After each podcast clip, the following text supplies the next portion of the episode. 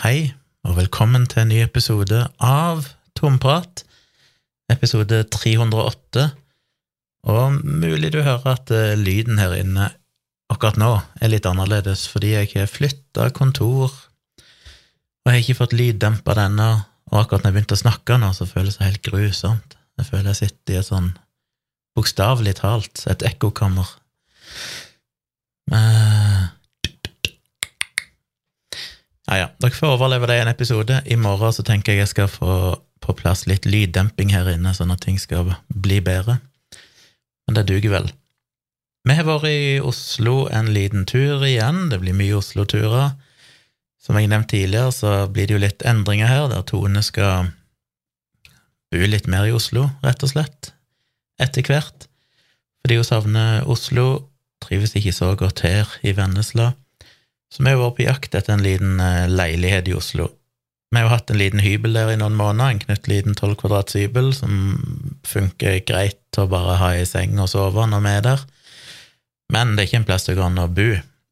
Så vi måtte finne noe større, pluss at den hybelen kunne vi bare ha ut året, for da skulle de med leie hybelen hos selger leiligheten som hybelen er en del av. Så vi har jo drevet og kikka, det har vært litt frustrerende, fordi alt vi fant av leiligheter på Finn, hadde gjerne visning på datoer vi ikke var i Oslo, så vi fikk liksom aldri gått på visning, og det var litt frustrerende. Men så dukka det opp en eh, leilighet, det vil si det var en person som kontakta oss, for at jeg hadde jo lagt ut en liten sånn annonse om at vi søker leilighet. Det funka veldig bra når vi søkte hybel her tidligere i år.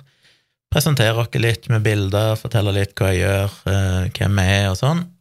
Vise at vi er voksne, ansvarlige, med stabil inntekt og alt dette her som en utleier sikkert setter pris på. Og han hadde tydeligvis sett den, sendt dere link til en annonse han hadde lagt ut, med en, eh, en veldig flott leilighet. Og så fikk vi etter litt sånn fram og tilbake avtalt ei visningstid med han. Så vi kjørte vel inn onsdag kveld, kom fram til Oslo ganske så seint, eh, rundt midnatt, eller litt før midnatt. Og så drev de jo selvfølgelig med noe sånn eh, feiing av fortau og gate som gjorde at alle gateparkeringsplassene vi normalt pleide å finne en ledig plass på, var jo sperra for parkering. Så alle bilene i de gatene hadde jo flytta til andre gater. Så vi kjørte jo rundt i sikkert en halvtime midt på natta der rundt i Oslo og bare prøvde å finne en plass å parkere, og endte til slutt opp med å finne én ledig plass eh, langt oppe i Sankthanshaugen, som er ja, ikke sånn superlangt ifra der med hybel, men eh, et lite stykke å gå. Måtte dra seg med oss bagasjen og, og alt, men vi fikk nå parkert til slutt, så det var nå greit. Eh, så på torsdagen så hadde jeg fotografering på Brasseri Hansken, tok litt restaurantfoto, som jeg skal få redigert og lagt ut i løpet av uka. Og så hadde vi Hvordan var det? Jo, så skulle vi på visning. Og vi var ikke helt sikre sånn helt Altså, vi visste jo hvor denne leiligheten var, men ikke sånn akkurat hvorfor bygg han var i. Eh, ligger nede i Bjørvika, så sentralt du kan komme i Oslo som er et område vi alltid har drømt om å bo i, alle gangene vi har vært der nede i, på Sørenga, Bjørvika, Operaen og, og, det området der, Barcode, så er vi jo, for der har de bygd veldig mye kule bygninger. De har alltid tenkt sånn shit, tenkt å kunne bo her. Og da jeg eh, bodde jo alene på Tøyen i åtte-ni år, og så møtte jeg Tone, og så bodde vi der sammen en liten, ja, nesten et år, eller rundt et år, og så fant vi ut vi skulle flytte til en litt større plass, og da var vi jo faktisk der nede og kikka på en leilighet, men så endte vi opp istedenfor med å ja, bestemte dere for å kjøpe heller enn å leie, og endte jo opp på Haugenstua istedenfor. Så vi hadde jo kikka litt der nede før, men vi var på visning, og det er jo alltid så skummelt, for det er når du kjøper en bolig, så er det jo egentlig bare pengene som avgjør, det er den som kommer med det høyeste budet for boligen. Når det er utleie, derimot, så er det jo trynefaktor. Da handler det jo om hvem er det utleieren liker og ikke liker. Så det er jo Det er jo tricky. Eh, men vi kom nå der og møtte en veldig hyggelig fyr som Ja, det, han hadde kjøpt denne leiligheten da den var helt ny, og så hadde han i praksis bare leid den ut til et eh, ungt par som hadde bodd der sier han, som nå skulle flytte ut. Så vi fikk komme opp på visning da, mens han ene mannen som bor der nå, han var jo der. Vi fikk kikka litt rundt, syntes det så veldig fint ut. Prøvde jo selvfølgelig å selge oss inn så godt vi kunne. Og så gikk vi derifra, så skulle han ha visning med to andre par som skulle komme etter oss. Og så var det rett opp i eh, studio hos Moderne Media og spille inn eh, dialogisk sammen med Dag. Så den episoden kom ut i natt. Så hvis ikke dere sjekker ut den, så må dere høre nyeste dialogisk, som jeg syns var gøy. En stund siden vi spilte inn i studio, de siste episodene har vi jo spilt inn hjemme hos Dag. Så det er noen måneder siden sist, men denne gangen fikk vi spilt inn i studio, og så endte det jo opp med en, eh, en klassisk debatt om straff og dødsstraff og alle de greiene som jeg og Dag eh, liker å diskutere, og der vi nok er litt uenige, dette med hevntanker og straff. Så det ble en eh, fascinerende liten prat. Og så gikk vi jo da og venta. Han skulle egentlig kontakte oss på kvelden, han utleieren, men vi hørte aldri noen ting. Altså dagen etterpå så fikk vi mm, Er det purra, vel, eller bare spurte om han hadde tatt en avgjørelse. Og så ble det litt fram og tilbake. Eh, stilte dere noen spørsmål, jeg satt og svarte etter beste evne. Og så dagen etter det igjen, da på lørdagen, så ringte han og måtte bare si liksom at det sto mellom oss og et annet par, men så hadde han litt flere spørsmål, og så Og så mens vi kjørte hjemover, da, tilbake igjen til Vennesla Nei, dette var på søndagen, ja. På søndagen var dette. Så først på søndagen så ringte han og til slutt sa at han hadde valgt dere. Så da var vi jo happy. Og det fine med den leiligheten, det er jo ikke noe stor leilighet, eh, det har vi ikke råd til. Men en liten leilighet som er relativt moderne, og som funker til at Tone kan bo der når hun er der alene, og jeg kan bo der når jeg er der, som jo blir en del. Eh, altså, når dattera mi, hvis hun kommer og besøker oss, eller noe sånt, så går det an å sove på en sofa i, i stua eller et eller annet sånt, eller en oppblåsbar madrass eller et eller annet. Men det er iallfall en liten stuekjøkken og et soverom. Så det er jo helt fantastisk location, og vi er veldig fornøyd med den. Og for å klare å finansiere det, så må jeg jo leie ut, som jeg sa sist, eh, i kjelleren her, som jo egentlig er en utleieleilighet her i Vennesla. Så nå har vi jo begynt på den prosessen å flytte ut der nede, og det er derfor jeg nå i kveld har fått rigga meg opp med kontor oppe i det gamle kontoret til Tone. Så da går jeg jo ifra å ha hatt en hel kjellerleilighet til meg sjøl, der jeg hadde YouTube og podkaststudio i liksom stua på den leiligheten. Vet ikke hvor stor den er, men den må jo være en, eh, en 40-50 kvadrat, eller noe sånt. Så jeg hadde jo masse boltreplass der, og så hadde jeg jo det som var soverommet i leiligheten nede, det hadde jeg jo til kontoret mitt, som òg var, var ganske ok størrelse på. Og nå skal alt det, en sånn 50 kvadrat eller sånn, flyttes ned til det som vel kanskje er en sånn åtte, åtte kvadrat eller sånn, lite kontor. Jeg vet ikke om det er så stort engang seks til åtte kvadrat kontor. Så det blir endringer her. Og jeg, eh, da vi flytta inn her i fjor, kjøpte dette huset, og jeg fikk så mye boltreplass, så kjøpte jeg litt utstyr. Skikkelig softboxer og lys og stativer og alt mulig rart utstyr. Det får jo ikke plass til her nå, så det er jo litt sånn sårt at jeg må plutselig eh, pakke vekk stor del av utstyret, og så vet jeg ikke når jeg får muligheten til å bruke det igjen. Drømmen er jo å få et eller annet eksternt studio på sikt, hvis jeg skulle klare å få nok inntekter på foto og sånne ting. Men inntil videre så må det bare pakkes vekk og stues inn i en eller annen bod et sted. Men jeg skal få rigge opp her i morgen så mye jeg kan, eller ikke så mye jeg kan, men det jeg trenger. Og ikke minst for å lyddempe dette rommet, for jeg sitter jo bare i en helt firkanta boks, det er ikke noen vinduer her eller noen ting. Så eh, det kan jo bli interessant med temperaturen her inne når jeg får opp eh, lyskaster og enda mer elektronikk, kamera og sånne ting. Og skal kjøre livestream, så kan det nok bli ganske svett. men Vi får se. Får, får vel gå på et eller annet vis. Heldigvis er det vinter snart. Uh, så det er en prosess på gang. Vi har fått dere leilighet, veldig fornøyd med det. Skal ikke flytte inn der før i uh, januar. Og det var egentlig det som òg var fint med den leiligheten. De fleste leiligheter som var tilgjengelige i Oslo, var litt sånn De ville at folk skulle flytte inn ofte allerede den første i neste måned. Og vi trenger litt tid her til å få leid ut den leiligheten vi har, for å få inntektene derifra, for de trenger vi for å finansiere det å kunne leie en leilighet i Oslo. Så jeg håper jo det går i boks. Det er jo litt sånn scary, for vi vet jo ikke helt hvordan leiemarkedet er her i Vennesla. Men naboen her han leier ut en tilsvarende leilighet, og på han virker det som at det var ganske greit, for han har hatt en leietager, og så flytta han nylig ut, og så kom det en ny igjen, men det virker som at han hadde fått en ny leietager ganske fort. Men som jeg muligens nevnte i forrige episode, så skal vi sannsynligvis bruke et, en utleiemegler, bare sånn at vi slipper å forholde oss til utleier og sånne ting. Da er vi jo sikra å få husleie hver måned til fast tid, for da er det jo utleiemegleren som betaler oss husleie, og så er det jo leietaker betaler jo til husleie, eller til utleiemegleren. Så hvis ikke leietakeren betaler på tida og sånn, så påvirker ikke det oss, vi får pengene uansett.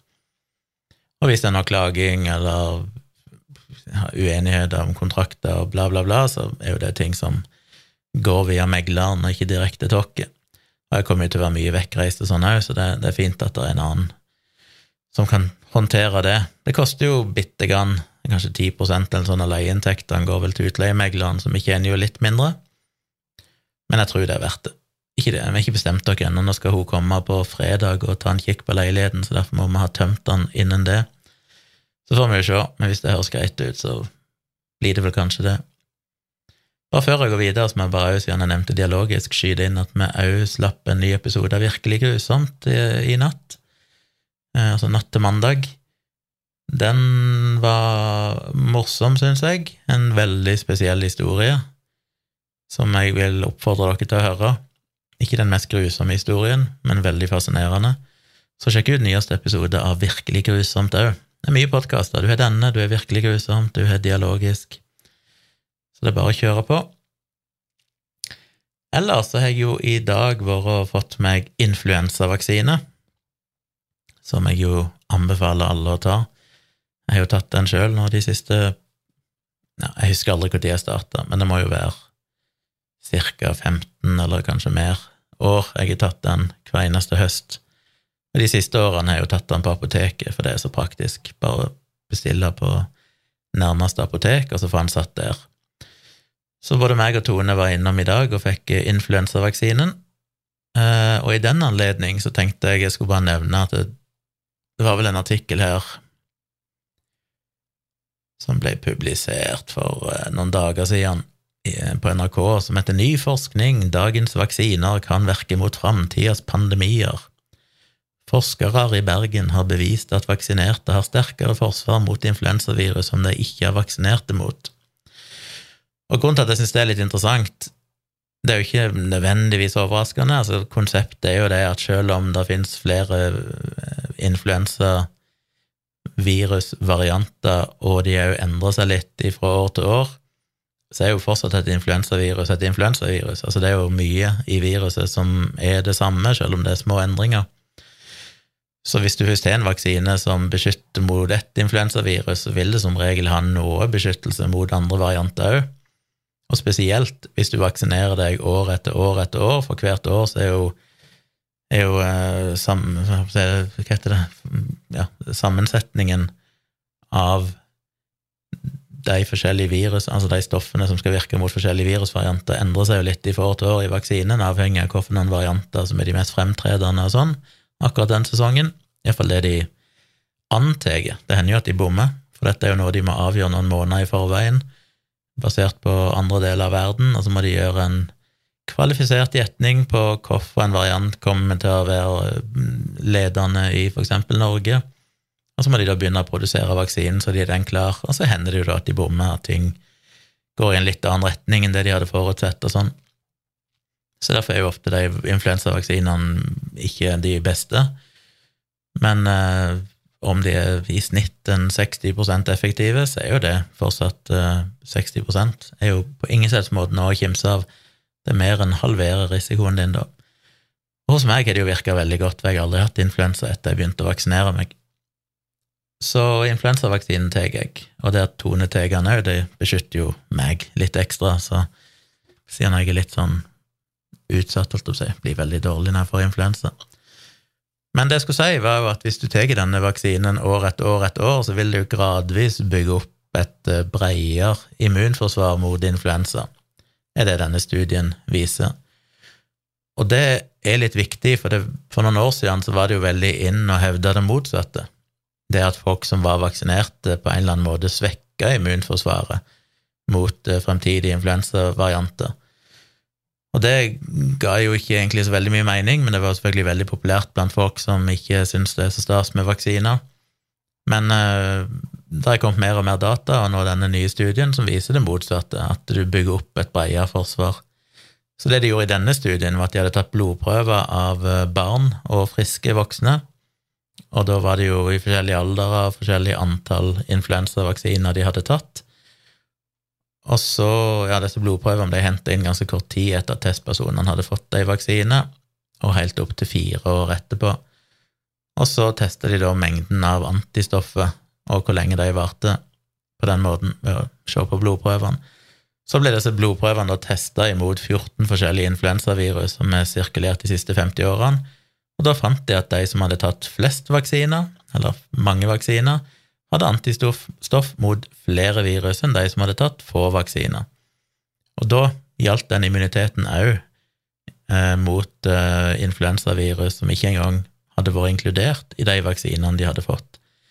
Og det er jo det som er det fine, at du får denne her kryssimmuniteten. At du får en, en, liten immunitet mot varianter som du ikke er vaksinert mot, fordi det tross alt er allikevel fellesnevnere, de er jo ikke helt forskjellige. Så til og med helt nye varianter som dukker opp neste år eller året etter det, vil du da kunne ha litt immunitet mot, og jo flere vaksiner du har tatt, jo bredere er den immuniteten. Og så mistenker en jo at det samme vil gjelde for covid, og det har jeg snakket om mange ganger tidligere, og sikkert skrevet om i bloggen òg, nettopp det samme, at selv om SARS-CoV-2 muterer, og disse forskjellige variantene vi har hatt de siste par årene, eh, har litt ulike egenskaper, så er det jo fortsatt et SARS-CoV-2-virus. Det er en del fellesnevnere. Så det er jo de dataene vi har, peker jo allerede i retning av at jo Det var en av grunnene til kanskje at hvis hun fikk uh, Pfizer sin vaksine og så Moderna sin, så var du litt bedre beskytta. Hvis du i tillegg har hatt covid, så er du enda bedre beskytta. Fordi jo flere ganger du gjennomgår, flere ganger immunforsvaret ditt blir trigga til å gjøre seg klar, til å gjenkjenne forskjellige virus eller deler av virusene, så får du da et bredere og bredere immunforsvar. Så det betyr jo, og det er jo det jeg har sagt tidligere òg, at sjøl om et virus med SARS-CoV-2-viruset skulle mutere, så er det nok ikke sånn veldig sannsynlig nå at det vil komme en variant som gjør at vaksinene plutselig er helt ubrukelige. Vi har jo sett at variantene som er kommet nå, da primært omikron med de senere variantene, har gjort at beskyttelsen mot smitte ifra vaksinene har blitt veldig dårlig. Men beskyttelsen mot sykdom, spesielt alvorlig sykdom og død, er jo fortsatt veldig høy. Og det er jo det som tross alt eh, er det viktigste her. Så det er gode tegn, og enda et godt argument for å vaksinere seg hvert eneste år. For jo flere forskjellige influensavaksiner du får, jo bedre rusta er du til å motstå ikke bare den vanlige sesonginfluensaen, men òg en potensiell fremtidig influensapandemi, som vi jo hadde i 2009. Så kjør på. Bestill eh, influensavaksine en eller annen gang i høst. Som regel har det kanskje forskjøvet seg litt og sånn av pandemi og sånn, så nå vet jeg ikke helt når en eventuell influensatopp vil komme, men før pandemien så kom jo den gjerne ut i januar. Så de anbefalte jo at du senest vaksinerte deg, i, helst i begynnelsen av desember, siden det tar et par uker før den vaksinen eh, virker på sitt beste. Men eh, jo tidligere jo bedre, for da slipper du, da minsker du den risikoen òg utover høsten, der du òg selvfølgelig kan få influensa. Og ikke minst, om du ikke blir så syk sjøl, så bidrar du jo til å kunne smitte andre, så det er jo en slags sånn liten flokkimmunitet i det som kan være nyttig. Um, ja, bare tilbake igjen til det med flytting og dette kontoret mitt her og sånn.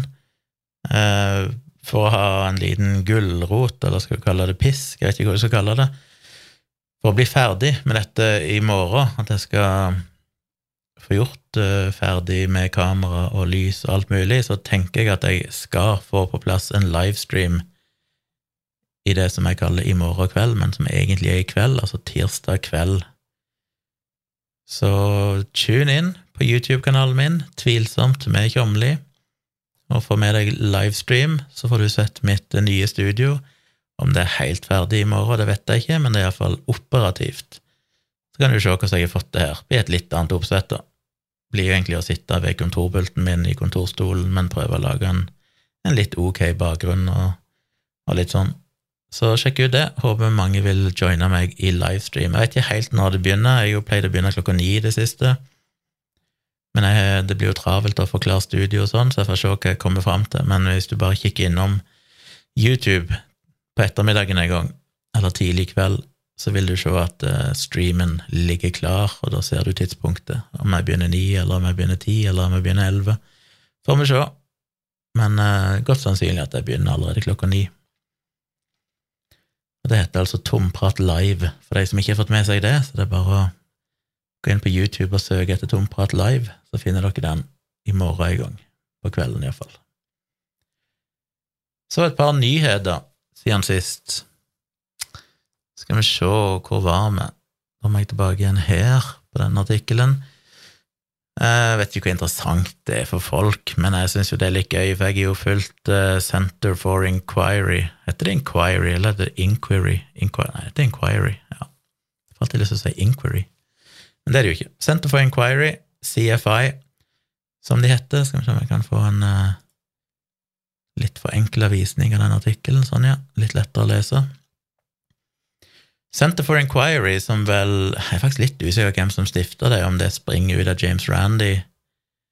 Um, men iallfall det er jo på en måte Ja. Nei, jeg er faktisk litt usikker. Du har Center for Inquiry, men så er du òg CSI, som er Hva er det? Center for Nei, det er Committee for Scientific Investigation, Investigations, ikke det? Skal vi se Nei, Committee for Ja, før heter det Committee for the Scientific Investigation of Claims of the Paranormal, eller CSI-COP, som dette i gamle dager. Men de endrer navnet til bare CSI, som nå står for The Committee for Skeptical Inquiry. Og så er jeg litt usikker på hva som er sammenheng mellom CSI og CFI, Center for Inquiry. Uansett, det er for, de henger vel sammen, det er de samme folkene. Det er liksom den amerikanske skeptikerforeningen, for å kalle det det, eller det amerikanske Skepsis. I Norge har vi jo Foreningen Skepsis, som jo for tida vel er veldig død. Men den amerikanske versjonen Før jeg fortsetter med å bare si at jeg sitter og drikker en energidrink som jeg fant på en eh, bensinstasjon, tror jeg, på veien eh, hjemme fra Oslo som jeg aldri har sett før, som heter Cult, Kult, CULT. En sukkerfri energidrikk som jeg kjøpte tre forskjellige varianter, for vi hadde aldri sett i. Og den jeg drikker, er altså en mango and chili, som jo var litt interessant. Eh, den smaker veldig mango. Smaker egentlig ikke noe chili, tror jeg. Den har jo en Nei, jeg smaker ikke chilien, men det er jo en eller annen greie. Det er jo et eller annet. Det er jo mango og attåt. Men det er jo ikke noen sviende, brennende hot uh, smak. Egentlig veldig god. Faktisk en av de bedre energidrikkene jeg har smakt. Så det sitter jeg her og drikker. Men tilbake til CFI. Jeg kjenner ikke helt historikken her. Jeg har hørt litt om det tidligere uten egentlig fått det helt med meg, men det er vel noe med at de har opprinnelig, jeg vet ikke hvor lenge siden, så gikk de til søksmål mot CVS Pharmacy og Walmart i USA, spesifikt i Washington DC, så vidt jeg har skjønt, eller District of Columbia, fordi de hevder at de selger homopatiske remedier, og fremstiller det da som om de har en medisinsk effekt, at de mener det er villedende markedsføring. Opprinnelig i litt lavere rettsinstansene så ble jo visstnok dette disse søks... Det, jeg vet ikke om det er ett eller flere forskjellige, men søksmålet avvist, for de mente at eh, det dugde ikke. Det det vel ble avvist på grunnlag av, var vel at eh, de mente at ikke det søksmålet kvalifiserte til det du har lov, fordi loven i Washington DC sier at en non-profit organization organized and operating in whole or in part for the purpose of promoting interests or rights of consumers. De har lov å føre sånne rettssaker. Men de mente at CFA ikke kvalifiserte til det. De var ikke en sånn type forbrukerbeskyttelseorganisasjon, og derfor kunne ikke de gjennomføre dette søksmålet. Men nå har visstnok den høyeste rettsinstansen i District of Columbia eh, snudd, eller på en måte forkasta de, de lavere rettsinstansene sin konklusjon og sagt at jo, dette er faktisk greit, dere kan gå videre med denne rettssaken, fordi de mener at uh, det ikke er noen motsetning mellom det CFI gjør, og det en eller annen organisasjon som driver med forbrukerbeskyttelse mer spesifikt, driver med. Um, ja, for de mener at begge, begge typer organisasjoner har jo som formål å, å beskytte interessene til den vanlige forbruker og i dette tilfellet så er det jo mot ineffektive homopatiske produkter. Men det er jo fortsatt forbrukerbeskyttelse, det òg, selv om det er en mer sånn vitenskapelig Eller det er mer en kritikk av pseudovitenskap. Uansett, de er iallfall godkjente og sagt at de kan gå videre med dette søksmålet. Så det blir jo interessant. Eh, CVS Pharmacy, altså de apotekene CVS, er jo ikke veldig fornøyd med det, men de hadde ikke uttalt seg i denne artikkelen her. Men den eh, en eller annen pressetalsmann eller et eller annet, for, hvert fall en talsmann for Walmart, hadde jo selvfølgelig sagt at de var veldig uenig i dette her, og de eh, var klare for å gå i, i rettssak og kjempe eller forsvare seg mot dette søksmålet. Og den juridiske ansvarlige i CFI, han er jo veldig fornøyd, selvfølgelig, med denne avgjørelsen, for da kan de fortsette rettssaken, men han innrømmer jo at det er jo en lang vei å gå fortsatt. Men det hadde jo vært interessant hvis de hadde vunnet fram, fordi jeg syns jo definitivt det er noe de burde vinne fram på. Det er jo, Vi har jo hatt samme debatten i Norge nå, ganske nylig. Eh, dette med at apotekene eh, selger homopatiske remedier og en del andre ting som ikke virker. Det var jo oppe i media nå nylig, men det er jo en gammel greie. Jeg blogga om det allerede for sikkert 12-13-14 år siden, da Foreningen Skepsis blant annet eh, kjørte en kampanje mot det ut forbi noen apoteker i Oslo der de blant annet, Det var litt i eh, omtrent samme tid som de hadde sånn kritisk masse skeptikerkonferanse, og James Randy var her på besøk og alt mulig sånn. Så det er en gammel sak, er noe han har kjempa mot lenge, og det er for så vidt eh, noenlunde komplisert. Og hva som er rett, bør disse tingene selges hos apoteker? Apoteker, eller de som forsvarer det for apotekerne, Apotekerforeningen, eller hva de kalles, de mener at det kan være greit, for da kan de gi gode råd. Hvis noen kommer inn og kjøper homopatiske remedier mot et eller annet, så er de kompetente til å kunne si at kanskje du heller skal kjøpe noe som faktisk virker. Så hvis ikke det hadde blitt solgt i apotekene, så ville folk heller bare kjøpt det uten noen form for regulering, kjøpt det via internett eller et eller annet sånt, og de mener det er bedre at de da går på apoteket, der du iallfall har fagpersoner som kan korrigere dem. Samtidig så er det jo selvfølgelig problematisk at når du selger det på apoteket, så er jo det en slags legitimering av at dette virker, for de ville vel ikke solgt det på apoteket hvis ikke det virka. Men det er jo tross alt mye bullshit de selger i apotekene, som ikke bare er alternativ behandling, men òg smertestillende salve og forkjølelsesmedisiner og kosttilskudd og alt mulig sånn som jo egentlig ikke har noen effekt, eh, stort sett. Kosttilskudd kan jo ha en effekt, selvfølgelig, hvis du har en mangelsykdom eller dokumentert mangel på et eller annet vitamin, eller sånt, men ellers så er jo det stort sett bare tull for folk flest. Så det er mye igjen på apotekene som egentlig ikke virker, og som de selger. Men homeopatiske remedier er vel kanskje noe av det mer ekstreme. Eh, så det er komplisert. Ja. Så det er relevant i Norge òg. Her har det vært en debatt, vi får se om disse søksmålene i USA vinner fram så krysser jeg fingrene for det. Jeg det er kult at eh, CFI tar den kampen. Og det er jo en fin promotering av skeptisisme, for da får de litt PR, de får litt oppmerksomhet rundt eh, hva vitenskapen faktisk sier om homopati. Det er jo viktig å huske på at folk flest egentlig ikke vet noe om det. De tror at homopati bare er en eller annen form for naturlig medisin, som jo høres veldig forlokkende ut. Og det tror jeg jo mange i Norge òg gjorde, fram til kanskje Folkeopplysningen hadde den episoden i sin første sesong, der de tok for seg alternativ behandling og homopati og sånn. Jeg tror det kanskje var en av de første oppvekkerne, selv om jeg òg hadde jo blogga om det lenge før det. Men jeg har jo ikke den rekkevidden som et uh, populært program på NRK har, så jeg tror nok det var primært da kanskje folk, mange fikk øynene opp for hva er. Og etter det har jo bruken sunket veldig av de fleste alternative behandlinger. Um, jeg husker ikke tallet, jeg så nettopp en oppdatert statistikk som de nylig slapp, men det var noe sånn som 0,2 eller et eller annet sånt. Den norske befolkningen har jo brukt homopati Jeg vil tippe de har spurt om de har brukt det det siste året, det er vel ofte det de spør om i de undersøkelsene. Så det er jo forsvinnende få. Kanskje to av tusen nordmenn har noen gang prøvd eller har brukt homopati, iallfall siste året. Så det er jo basically ingen.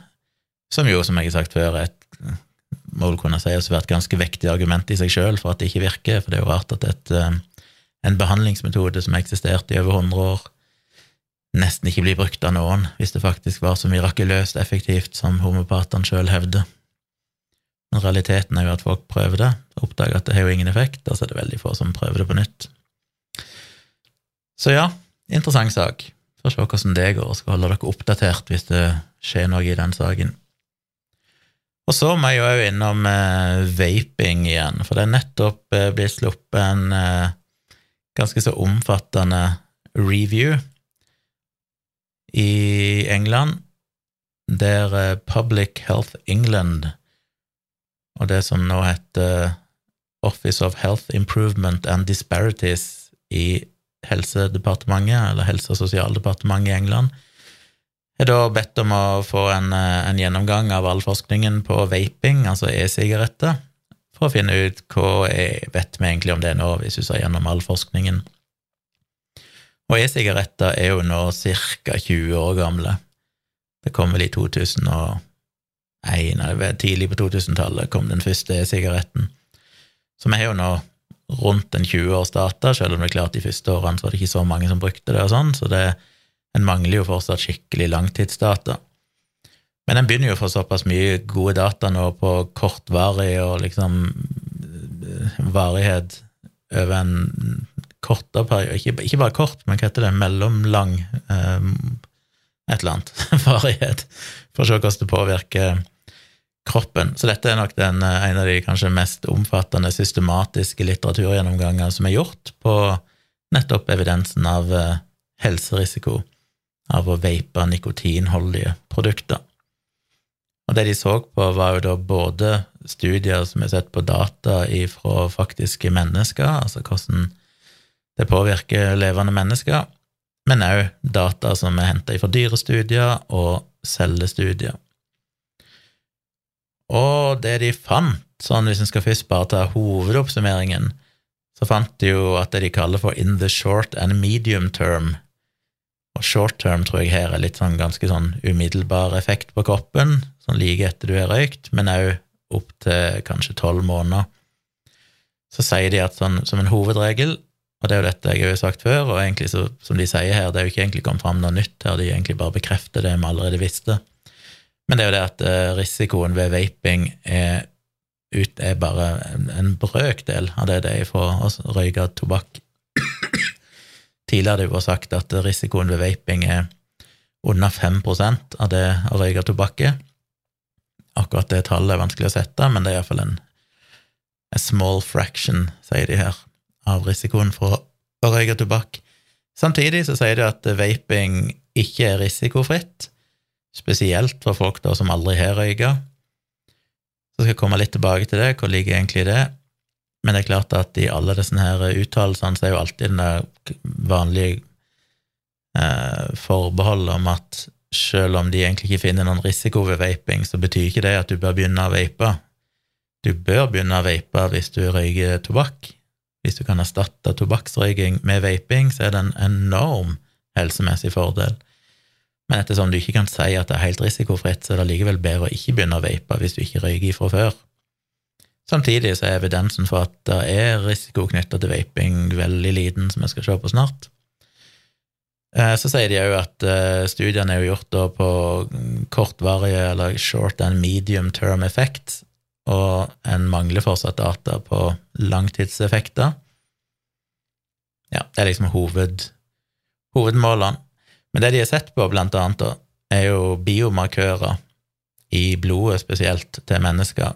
Og det de finner, altså biomarkører som eh, viser at du har fått i deg giftige stoffer eller ting som du vet er helseskadelig.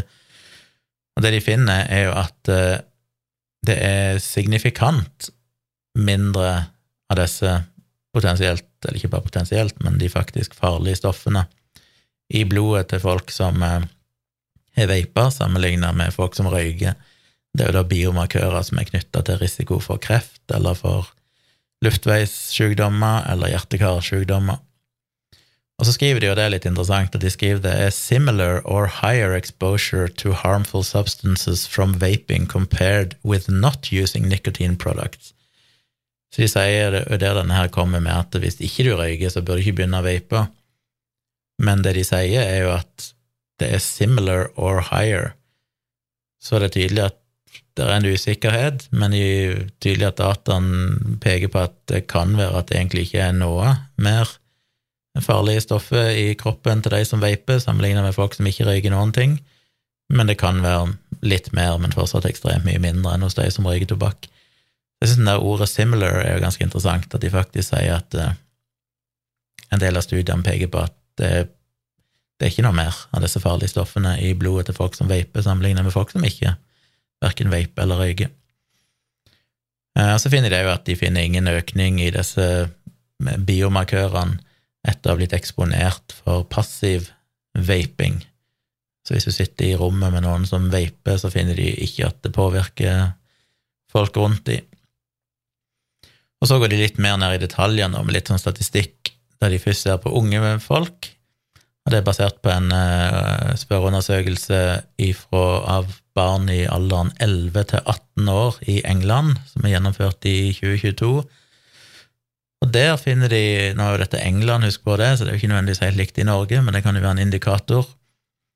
Der finner de at uh, i 2022 så er det rundt 6% av barn mellom 11 og 18 år som røyker, altså røyker tobakk, vanlige sigaretter, men det inkluderer de som bare røyker en gang i ny og ne, kanskje bare festrøyker, så det er ikke folk som røyker nødvendigvis fast, men at folk i ny og ne kanskje tar seg en, en sigarett. 6% i 2022. I fjor, i 2021, så var det 4,1% så det er faktisk økt bitte grann ifra i fjor.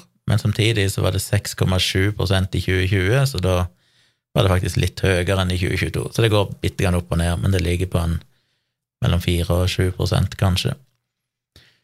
Andelen som vaper, og det inkluderer jo de som bare vaper en gang i ny og ne, festvape eller et eller annet sånt, den lå på 8,6% i 2022 og det er en ganske kraftig økning fra 2021, eh, da var det bare 4% og 4,8% i 2020, så omtrent en dobling da, siden tidligere år. Så vaping blir tydeligvis mer populært.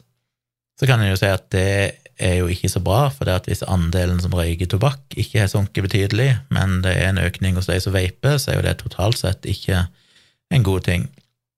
Og det er jo noe av grunnen til at de er veldig tydelige på at hvis ikke du røyker, så skal du ikke begynne å vape, selv om de egentlig ikke finner at det er noen spesielle farer knytta til det. Fordi langtidsdata kan jo vise at over lang, mange, mange år med eksponering så kan det vise seg å være et eller annet farlig der. Så det er best å være føre var og ikke gjøre det. Eh, men samtidig så understreker de at de aller fleste som aldri har røyka, heller ikke vaper. Så 98,3% av barn mellom 11 og 18 år verken røyker eller vaper. Og så påpeker det òg at bruken av sånne engangs e-sigaretter har økt betydelig i den aldersgruppa, altså hos unge. I 2022 så bruker 52,8% den type e-sigaretter, og det er altså til forskjell fra den litt mer sånn klassiske, der du har en litt sånn stor vape-tank, der du fyller på olje og har kraftige batterier og sånn, som altså er en sånn dings du kjøper og har, og så bare fyller du på ny e-juice hele tida etter hvert som du bruker den opp. Men det er jo jeg òg. Det brukte jeg òg før. Jeg vaper jo, og gikk over ja, i fjor, vel, så begynte jeg å teste ut sånne engangs vapeprodukter der du bare kjøper en sånn sigarett, holdt jeg på å si, med innebygd batteri og en viss dose med e-juice, og den bruker du helt til den er tom, og så kaster du den. Så åpner du opp en ny pakke. Og det er jo klart det er jo mye mer attraktivt på mange måter, det er mye mindre søl med det, det er mye lettere å vedlikeholde, du trenger ikke lade noen batterier og sånn. Den negative sida er jo at det er litt uh, forsøplende, selv om en del av de produktene jeg har kjøpt, er jo sånn resirkulerte, da, de sier at de er bare lagd av resirkulerte materialer og alt mulig sånn, så det er jo en uting da uansett at det, det blir mer søppel av det. Men 52,8% som brukte den type engangs e-sigaretter i 2022, mens i 2021 så var det bare 7,8% og 5,3% i 2020. Så der er jo tydeligvis av de, som, de unge som vaper, så har jo nå det er gått ifra nesten ingen som bruker e engangssigaretter, til plutselig over halvparten bruker det, og det vil nok bare stige, tipper jeg, for det er, det er jo noe som ikke fantes så mye av før, det er jo noe, et produkt som òg har kommet mye mer i det siste, så det forklarer jo mye av den økningen. Så etter hvert som det blir mer tilgjengelig, så tipper jeg at det kanskje bare vil øke. Hvis vi ser på voksne, derimot, altså folk over 18 år, så finner de at eh, andelen som røykte i England i 2021, lå et sted mellom 12,7 og 14,9% litt avhengig av hvilke data du ser på, som tilsvarer 5,6 til 6,6 millioner briter som da røyker tobakk. Mens vaping i 2021 så var det 6,9, et sted mellom 6,9 og 7,1% som da tilsvarer et sted mellom 3,1 og 3,2 millioner. Så omtrent dobbelt så mange som røyker tobakk, sammenlignet med de voksne som vaper. Um, ja, mens, de, mens blant unge så var det jo omtrent sånn 50-50, selv om vaping nå har gått litt forbi røyking. Men det er ikke så stor forskjell blant unge. Mens hos voksne så er det jo da fortsatt dobbelt så mange som røyker tobakk. Uh, men det var bare mellom 0,6 og 0,7% av voksne som aldri hadde røykt før, som vaper. Så det blir beskrevet som very low. Det er veldig få som ikke har røykt før, som begynner å vape. Og så var det dette med sånn engangs-e-sigaretter. Mens det er over halvparten av unge nå bruker det, så er det bare 15,2% av voksne vapere som bruker det. Så det er mindre utbredt hos voksne, men fortsatt en ganske stor økning, for det var 15,2% i 2022 og bare 2,2% i 2021. Så det kommer nok til å øke ganske kraftig blant voksne òg. Og det er jo fortsatt denne her gamle metoden med sånne tanker og sånn som er den mest populære metoden å vape på blant voksne. Men så er det litt interessant at uh, den mest populære, mest utbredte måten å slutte å røyke på blant voksne, er nå vapingprodukter. Og det de fant, er at i 2020 og 2021, studier der som har sett på metoder som blir brukt for å få folk til å slutte å røyke vanlige sigaretter, altså røyke tobakk, så var det å erstatte det med en e-sigarett den mest effektive metoden. Og de studiene òg er i tråd med det Cochrane sier om uh, dette. Så vapeprodukter det har vært litt omdiskutert òg om det egentlig funker til røykeavvenning og sånn, men de dataene fra England sier at det er den mest effektive metoden som har ført til at eh, flest voksne har slutta å røyke. Så diskuterer de litt dette med smakstilsetninger. De sier at eh, fruktsmake er mest populært blant både voksne og yngre, og nummer to på lista er da mentol- eller mintsmak. Og så er de litt usikre, da. De sier at det er manglende evidens som sier om disse smaksstoffene utgjør noen helserisiko. Jeg har jo snakka litt om det før. altså E-sigaretter består primært av tre ting. Det er en eller annen olje, um, som i praksis er det samme oljen som blir brukt i røykmaskiner på scener og diskoteker og sånne ting.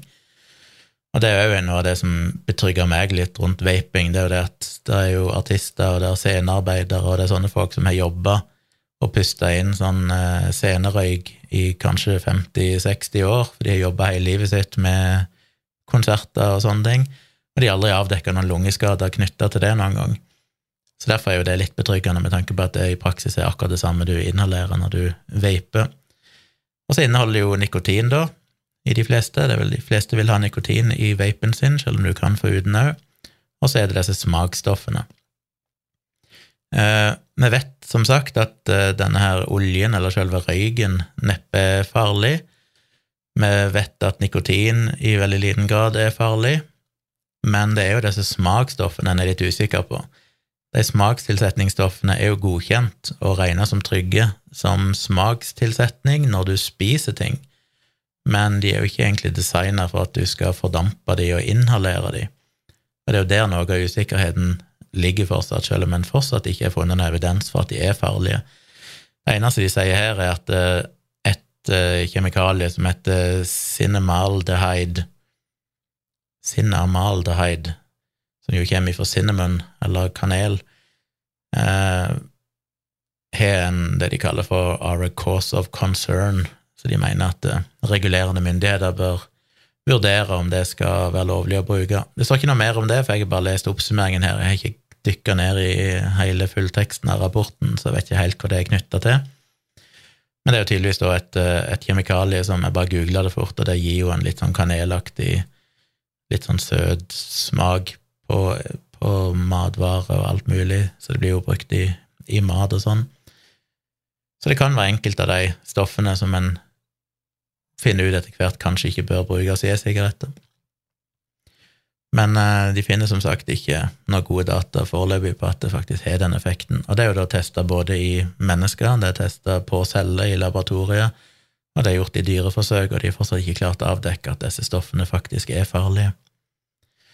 Og så skriver de litt om nikotin, og det syns jeg er interessant, for de skriver at eh, for det første at generelt sett så får du i deg mindre nikotin når du vaper enn hvis du røyker sigaretter, selv om det avhenger litt av måten du vaper på, og hva erfaren du er. Det er jo folk som er litt mer sånn Ja, hvis du ser på YouTube-videoer med folk som bare snakker om vaping og sånn, så er det jo en, en kunst, holdt jeg på å si. Det er jo et helt fag. Så folk som er veldig dedikerte, så finnes det metoder å vape på som gir høyere nikotinkonsentrasjon og alt mulig sånn, så du kan oppnå samme nikotinmengden som i fra vanlige sigaretter, men for de aller fleste så vil du få i deg mindre nikotin. Eh, men så er det jo litt interessant det de skriver om hvordan folk opplever risikoen, og da sier de, og det er jo dette som er det triste, egentlig I 2021 så var det bare 34% av voksne i England som eh, av, ja, av de som faktisk røykte sigaretter, som faktisk visste at vaping var mindre farlig enn røyking. Så to tredjedeler av de som røykte, altså de aller, en stort flertall av de som røyker tobakk, tror faktisk at vaping er farligere, eller iallfall ikke er noe mindre farlig enn å røyke tobakk.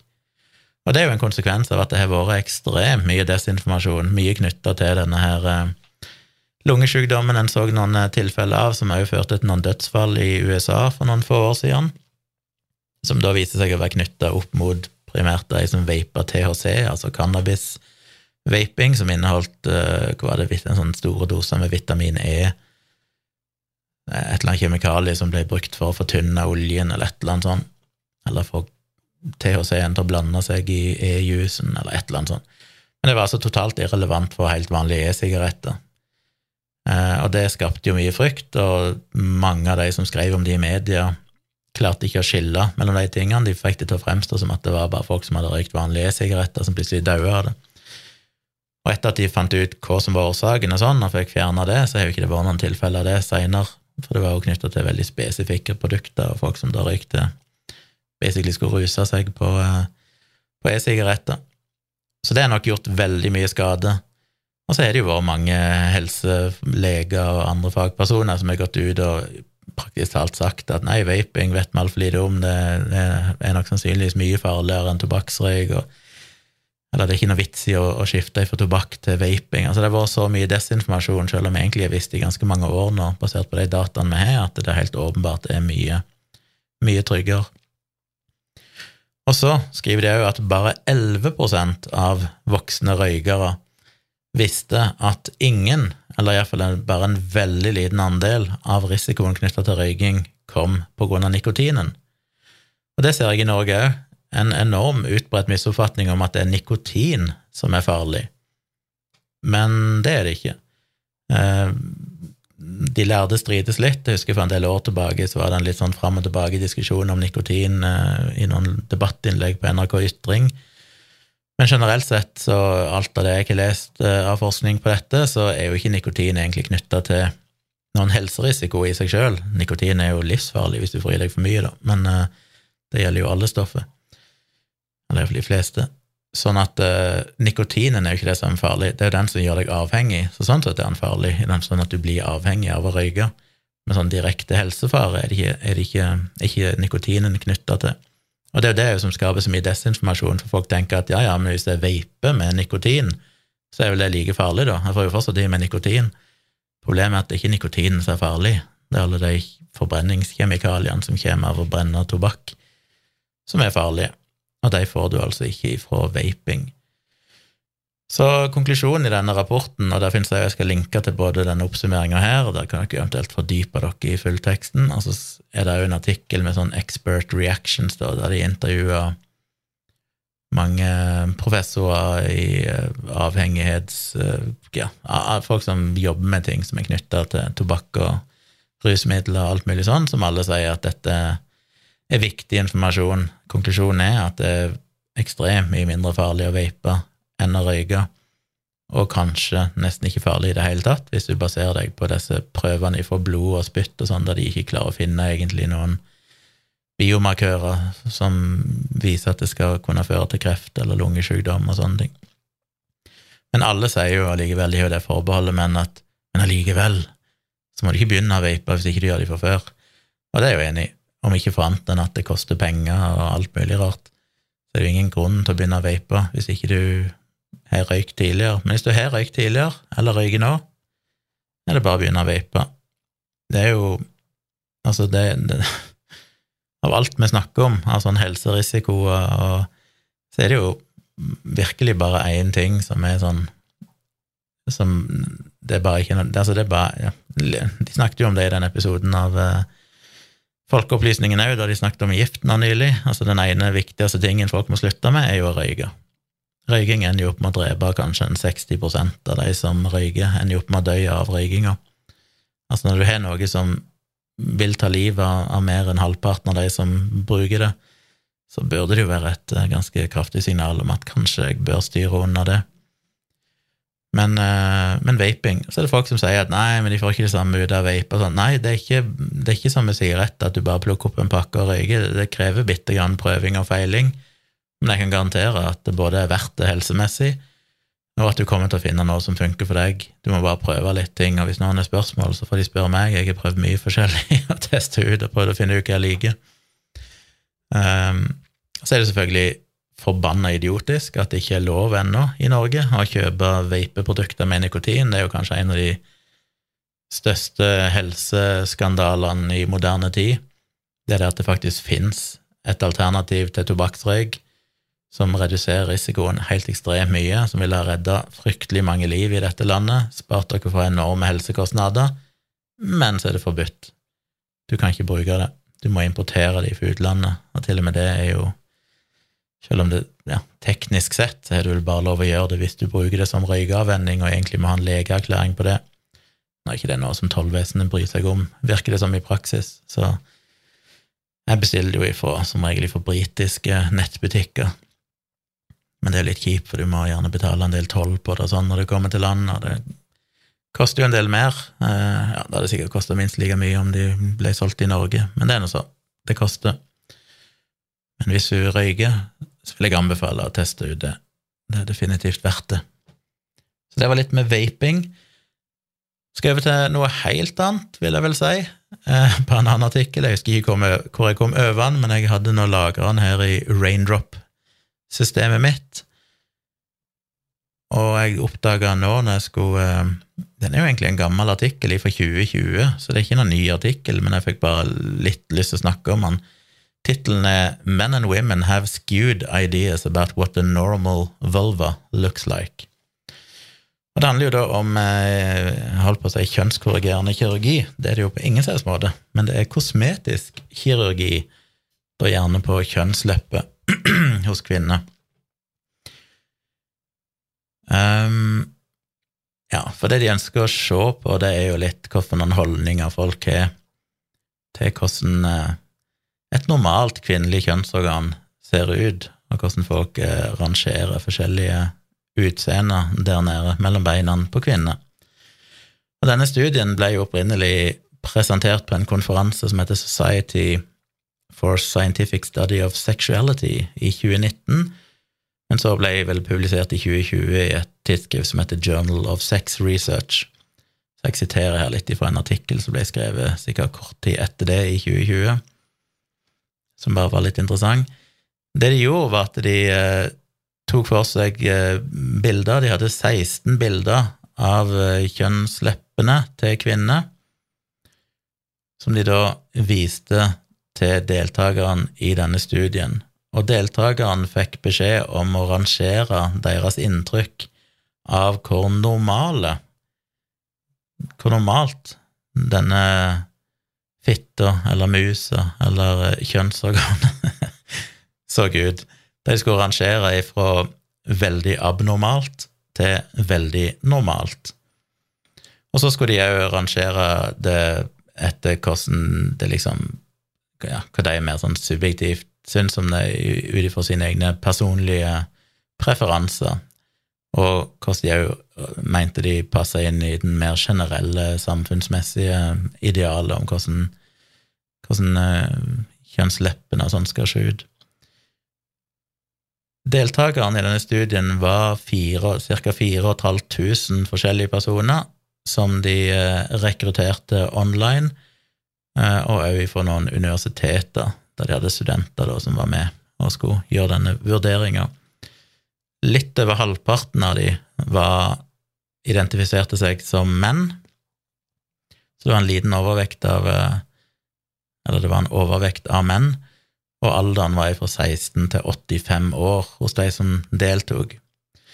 Men det disse studiedeltakerne ikke visste, var at de 16 bildene de fikk se, viste egentlig bare kjønnsleppene til åtte forskjellige damer, men der ett bilde var tatt før de utførte kosmetisk kirurgi, og ett bilde var ifra den samme kvinnen etter at hun hadde utført kosmetisk kirurgi der nede. Så det visste de ikke, de trodde det var 16 forskjellige damer.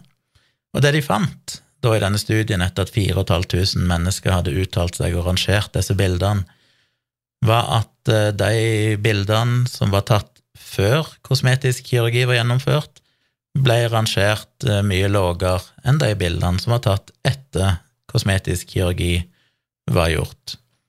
Eh, på alle tre skalaene, både av hvor normale de følte at eh, de så ut, deres personlige preferanser, og det de mente var på en måte samfunnets preferanser. Så generelt sett, folk likte altså bedre disse kjønnsleppene etter at de var blitt endra kirurgisk enn sånn de så ut og de var helt naturlige. Og det kan en jo mene mye om, men det interessante er jo litt når du bryter ned dataen og ser på ok, hvor mer var det de fant. Og det mest interessante er vel kanskje det at de fant at kvinnene var de som rangerte disse bildene lågest, hvis du bryter ned på kjønn, både før og etter kosmetisk kirurgi på alle tre spektere, både hvor normale de så ut, deres personlige preferanser, og det, det de mente var samfunnets preferanser. Så kvinner generelt sett syns at disse her eh, kjønnsorganene var mindre attraktive enn det menn gjorde. Så menn rangerte de generelt sett høyere både før og etter operasjon. Um, de som rangerte de, eller scora de høyest, var de som ikke identifiserte seg binært, altså som verken kvinne eller mann, men som ja, genderqueer eller non-conforming. Det var de som var mest positive til alle bildene, og syntes at de alle så mer normale ut og var mer i tråd med deres personlige preferanser. Eh, så det er jo interessant. Damene var de som var mest kritiske, ikke menn. Og så vil jeg jo studere i hvilken grad pornografi påvirka dette. Og det de fant når de korrigerte, for de hadde da tydeligvis sikkert òg opplyst om hvor ofte de så på porno og forskjellige ting, Det de fant, og når de kontrollerte statistisk for det, så fant de ikke at pornografi, altså graden av å ha sett mye porno, sånn hadde noen effekt på hvordan de vurderte disse bildene. Uh, og det var nytt i forhold til tidligere studier, for tidligere studier har funnet en korrelasjon der, at jo mer du er eksponert for det spes spesifikt og heteroseksuell, uh, mannsdominert pornografi, eller altså pornografi retta for menn, retta mot menn, det ser ut tidligere til å være en viktig faktor i hvordan folk vurderer liksom hvor normale uh, kjønnsorganet ser ut, eller kjønnsleppet ser ut. Men i denne studien da, så fant de faktisk ingen evidens som støtter opp med at pornografisk eh, eksponering for pornografi hadde noen betydning. Så så de òg litt nærmere på damer som hadde utført denne type eh, plastisk, eh, kosmetisk kirurgi på kjønnsleppene sine, og de fant at bare rundt 10% av de rapporterte at pornografi hadde spilt en rolle i det valget de hadde tatt om å faktisk få utført denne kirurgien.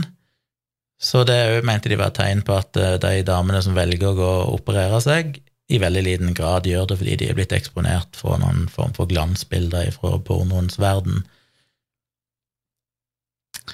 Uh, ja. Så det var egentlig det de fant. De presiserer jo da at uh, de kan ikke si at denne studien er representativ for hele den generelle befolkningen. Hvilket land var dette i? Det sa jeg kanskje ikke. Sto det? Mm, nei, jeg sa ikke umiddelbart hvilket land det er. Vil tippe det kanskje er USA. Enten USA eller England, vil jeg anta. Mest sannsynlig USA. Men iallfall, de sier at det er jo ikke representativt, for dette var jo folk som sjøl meldte seg på studien, eller fulgte ut et online-skjema pluss noen studenter og sånn, så de kan ikke si at det nødvendigvis er representativt for alle. Men eh, mer forskning kreves, men allikevel interessante resultater, syns jeg. Og så konkluderer de jo med at til syvende og sist så er jo det viktigste her det er jo at folk i større grad lærer om hvordan en, normal, generell Altså hvor stor variasjon det er i, i hvordan damer ser ut. Um, fordi generelt sett jo så mente jo både damer og menn at uh, folk så bedre ut etter at de hadde operert seg, og det er jo et dårlig tegn. Det betyr jo at folk kanskje ikke har et helt realistisk bilde på hvordan en altså, skal se ut, men hvordan uh, bredden i hvordan damer ser ut der nede. At det kan variere veldig, og det er ikke noe som er normalt eller unormalt. Så generelt sett har vi kanskje en litt sånn idealisert holdning til det, men det skiller seg jo ikke fra noen ting annet heller når det gjelder utseende, enten det er ansikt eller puppe eller rumpe eller penis eller hva det måtte være, så har vi jo alle et slags sånn ideal som ofte skiller seg litt ifra det som folk flest faktisk eh, går rundt og bærer på her eller der på kroppen. Så det syns jeg var verdt å nevne. Var det noe mer jeg skulle snakke om? Jeg hadde én ting til, men jeg vet ikke om jeg orker å ta den nå. Det blir en altfor lang rant hvor lenge jeg snakker. Ja, jeg bikka en time, så da får vi spare den til seinere, tror jeg. Jeg tror det var det jeg hadde for denne episoden. Igjen, Veldig kult om dere vil joine meg i livestream i kveld. Tirsdag kveld, altså. 4. oktober 2022. En eller annen gang utpå kvelden. Følg med på YouTube-kanalen min for å se. Og så har dere vel skjønt at jeg har vært travel, jeg har vært ute og reist, jeg har drevet med flytting, det har vært mye å tenke på i det siste. Så jeg vet at det er noen som ikke har fått bøker, selv om de er blitt patrons hos meg. Så skal dere jo få gratis bøker. De kommer. Eh, det blir ennå litt forsinka, for nå er det bare kaos. Alt det utstyret jeg bruker for å printe pakkelapper og alt mulig sånn, er ikke kobla til nå, for jeg må få flytta det opp på nytt kontor og rigga Men det kommer. Dere er ikke glemt. Dere ligger alle i, eh, i lista mi, og det vil bli sendt ut så fort jeg får muligheten. Og hvis noen andre har lyst på bøkene mine helt gratis, så går det altså an å gå inn på patron.com slash tjomli og signe opp der for et år som tjommi S, M eller L så får dere bøkene mine hvis dere husker på å sende meg postadressen i en melding, og mobilnummer og e-postadresse. Så sender dere begge bøkene mine helt gratis med signatur og en slags liten hilsen inni, som jo kan være hyggelig å ha. Og jeg må si jeg er ganske stolt over at jeg har såpass mange som støtter meg på Patrion. Um, skulle gjerne hatt flere, selvfølgelig, for det betyr veldig mye for det jeg driver med rent økonomisk, at jeg kan prioritere alle de timene jeg bruker på livestream og podkast og sånne ting. Og jeg har nå i hodet mitt en lang rekke bloggposter jeg har lyst til å skrive, men jeg må liksom bare få uh, ting tilbake til normalen her, for jeg har overskudd til det. Men det betyr veldig veldig mye, og når jeg ser på en del sånne utenlandske youtubere og sånn, som viser Jeg har vært inne av og til og kikka sånn hm, Lurer på hvor mange har de tusenvis av patrons, eller hva har de? Så har de ikke så mange. Så jeg har jo litt over 100, og det syns jeg er veldig stas. Jeg var jo oppe i 200 eller sånn før jeg var dum nok til å drive og satse på den her kritiske tenker og sånn, og egentlig ødela for meg sjøl, tydeligvis. Håper jo at de fleste av dere som var patrons, og som eventuelt bytta over til kritiske tenkere, og ikke flytta tilbake igjen til Patron, gjør det. Det hadde vært veldig kult å komme opp igjen der jeg var. Det hadde vært helt fantastisk. Men uh, uansett, veldig, veldig fornøyd med dere som er patron, så det betyr veldig mye for meg. Veldig, veldig takknemlig for at dere gidder å støtte meg på den måten. Det tar jeg ikke for gitt, og det er derfor jeg sender dere bøker og prøver å, å gi litt tilbake igjen. Så skal jeg òg få spilt inn noen flere bonusepisoder så fort jeg Ja, nå har jeg jo egentlig fått studio her på plass, i hvert fall, så det begynner å bli muligheter for det igjen. Så det kommer. Så følg med inne på patronen min. Tror det var alt. Takk for at du har hørt på. Veldig glad hvis du deler podkasten min, tips andre om den, alt dette her. Husk å sjekke ut Virkelig grusomt og Dialogisk òg, og livestreamen min i kveld. Og så skal jeg virkelig prøve å få ut en episode igjen allerede på fredag. Prøve å komme tilbake igjen i normal rutine her. Yes, da sier vi takk for meg.